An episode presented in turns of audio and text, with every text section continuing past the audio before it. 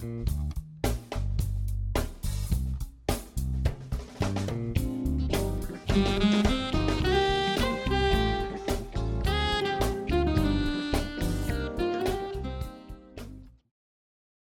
svima, moje ime je Tijana Velemirov, a vi slušate podcast Svet freelansa. Današnja lekcija je lekcija broj 20 i ona glasi Postoji skoro savršeni cover letter. Zašto kažem skoro? Zato što ništa nije savršeno, ali postoje stvarno stvari koje možete da uradite tako da se vaš cover letter ili propratno pismo u prijavi za poslove na Upworku istakne. Uh, Ovo je jako, jako kompleksna tema i o njoj možemo da pričamo baš mnogo. Šta više, na preko 150 stranica u e-booku pričamo o ovome.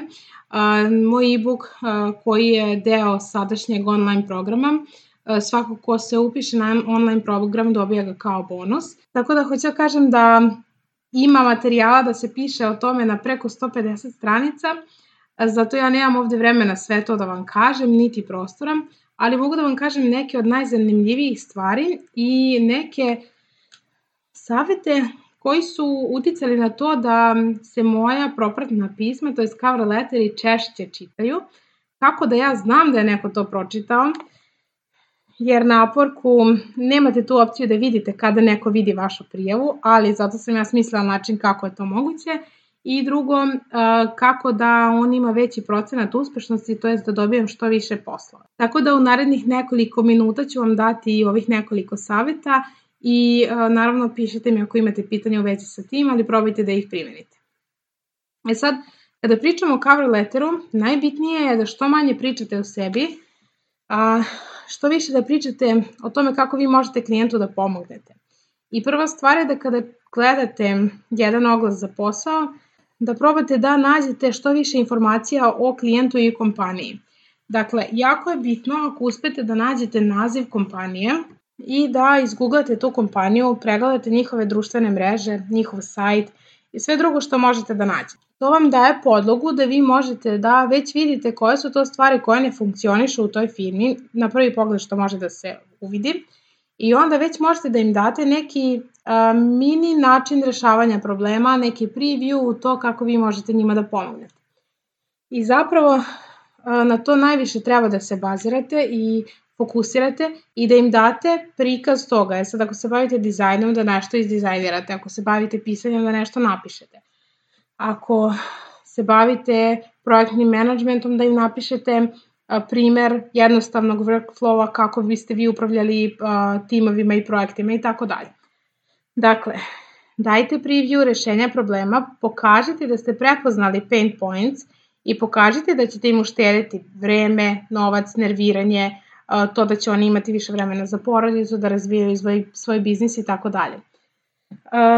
Sa druge strane, jako je bitno da im pokažete da niste ono needy i da vam ne treba posao po svaku cenu, nego da se vi stavljate u poziciju eksperta i da oni shvate da zapravo oni imaju korist od toga što će vas da zaposle. Dajte im neke brojeve, metrike vašeg uspeha,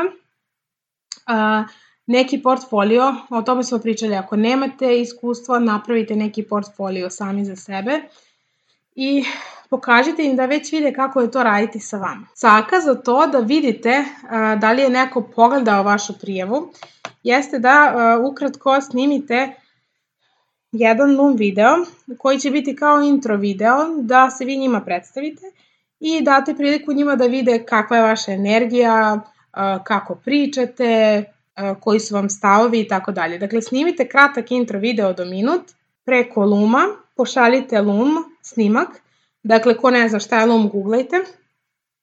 Piše se L-O-O-M. I um, kada neko otvori taj vaš video, vi dobijete notifikaciju da je to otvoreno.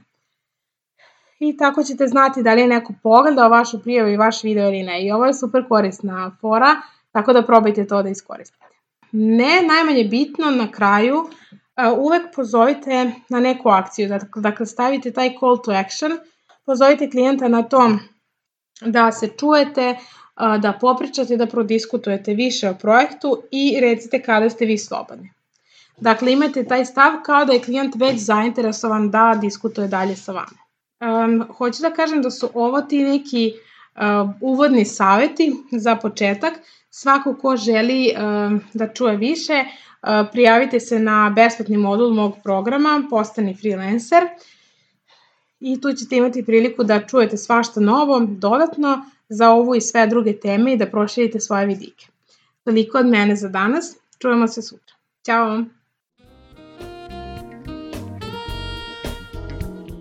Prijeve za moj online program Postani freelancer traju do 8. decembra ove godine.